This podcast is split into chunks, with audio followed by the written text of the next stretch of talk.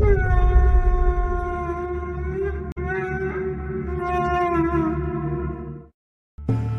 Witam Was legendowicze i bez zbędnego przedłużania zaczynajmy. A w tym odcinku będzie o smoku, a właściwie będzie to pierwszy odcinek mówiący o tych bestiach, a warto o tym porozmawiać, bo przecież kiedyś wszyscy słyszeliśmy o ziejących ogniem, potężnych smokach, tak tych rodzimych, jak i pochodzących z innych kultur całego świata, od Azji po Afrykę, Bliski Wschód, czy na przykład Amerykę Południową. Na kanale pojawił się nawet materiał o mitycznym królu i władcy Krakowa Kraku oraz m.in. o jego Nemezis, również postaci smoka zwanego Całożercą, na który to odcinek pełen legend i rozmaitych ciekawostek o tym bohaterze oraz smoku. Oczywiście wszystkich Was zapraszam. Ale wróćmy już do naszych smoków, bo na terenie Polski nie tylko Kraków miał swą potężną bestię tego typu, bo istnieją też legendy o innym, a właściwie o innych, równie znaczących smokach, których to określano mianem królów węży, zaś wśród pradawnych Słowian zwano je żmijami. Rzecz jasna były one stworzeniami groźnymi i straszliwymi, tak z charakteru jak i wyglądu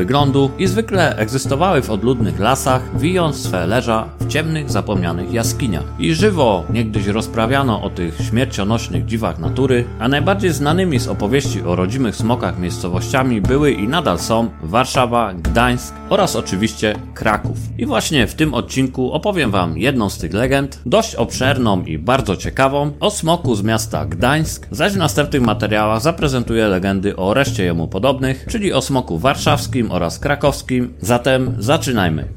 Przed wiekami, gdy do Gdańska przybijały floty statków i łodzi z najodleglejszych zakątków świata, wówczas to okolice Gdańska kwitły w dobrobyt, gdyż na pokładzie tych statków przywożono najznamienitsze drogie towary i przeróżne inne dobra, jakie tylko można było sobie wyobrazić, będące rzadkimi, egzotycznymi oraz wielce ekskluzywnymi. Dostarczano wówczas drogich i niespotykanych tkanin, o które wielce zabiegały bogate mieszczanki, które to tkaniny schodziły kupcom niemal na pniu. Oczywiście do zakupienia były też niesamowicie barwne i pachnące przyprawy, poszukiwane przez mistrzów kuchni oraz piekarnictwa, które nijak nie miały sobie równych wśród przypraw miejscowych. I choć wartość wszystkich tych wspaniałości równa była wartości złota i srebra, to dla kupujących je chęć posiadania owych rzadkości przyćmiewała blask monet drogocennego kruszcu jak nigdy przedtem, ani nigdy potem. Z tego też powodu handlarze z dalekich krain zacierali ręce, jednak poza tą lukrową otoczką zdawałoby się idylli, istniała warstwa o wiele mroczniejsza i groźna, której to społeczeństwo zaślepione rzadkimi wspaniałościami nie dostrzegało. Bo poza towarami, na których kupcy zbijali krocie, od czasu do czasu ze statków schodziło coś jeszcze i udawało się w głąb kraju największymi rzekami, bądź pozostawało tam, gdzie ze statku zeszło. W pewnym momencie trwoga przyszła i na Gdańsk, bo stało się to, co stać się musiało, gdyż wkrótce w okolicy pojawiło się coś mrocznego, niosącego ze sobą groźbę oraz śmierć, coś, co lubowało się w nocy i w mroku, zaś w obcym dla siebie świecie wiło gniazda, znosiło jaja, polowało na pobliską, dziką zwierzynę, a w najgorszym przypadku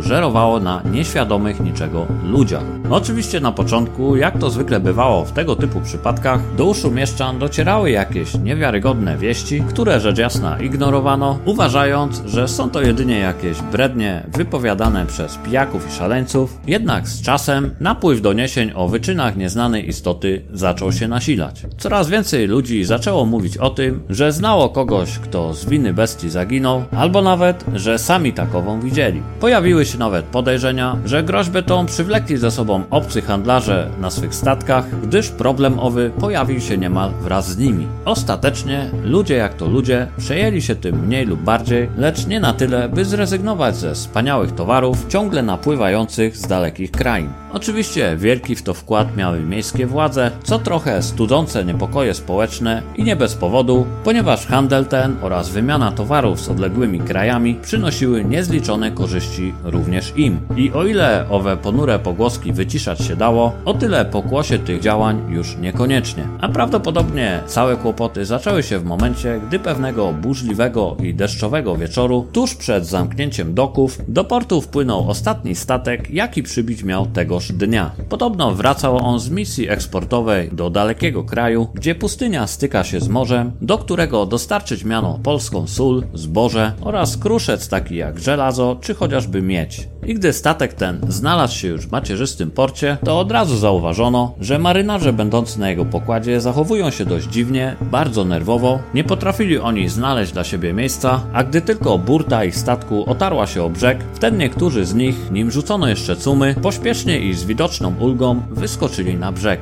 Coś wyraźnie ich niepokoiło, zaś w ich oczach widać było niemal namacalny lęk. Kapitan statku oraz cała załoga, będąc u władz na spytkach, niewiele mówili o tym, co tak mocno ich trapi. Jak się jednak okazało, nie wszyscy z marynarzy wrócili do ojczyzny, co kapitan zdawkowo tłumaczył tym, że osoby te zginęły w wyniku nieszczęśliwego wypadku podczas feralnego dla nich sztormu. To było wszystko, czego się dowiedziano, bo kapitan, choć miał obowiązek wszystko dokładnie wyjaśnić, w miarę przesłuchań coraz bardziej się w sobie zamykał i jedynie powtarzał wcześniejsze wyjaśnienia jak jakąś mantrę. Było jednak widać, że załoga i kapitan bali się czegoś, a wiadomo było, że wśród marynarzy kwit wówczas proceder zatajania pewnych informacji, by nie zostać uznanym za nosiciela jakiejś paskudnej, nieznanej choroby, bądź co gorsze, za obłąkanego i w efekcie czego zostać usuniętym od swych obowiązków. Przedstawiciele władz, nie wiedząc już co czynić, czasowo wypuścili załogę, by ta mogła kontynuować rozładunek przywiezionych z czarnego lądu towarów, lecz gdy rozładunek już się skończył, to każdy z marynarzy poszedł w tylko sobie znaną stronę, co uniemożliwiło dalsze ich przesłuchanie. Rozpoczęło się gorączkowe ich poszukiwanie i zamieszanie w całym mieście, jakiego to jeszcze nigdy nie było, jednak wraz z tym, w całym tym chaosie, nikt nawet nie zauważył, że na ląd, pod osłoną nocy, ze statku zeszło coś jeszcze.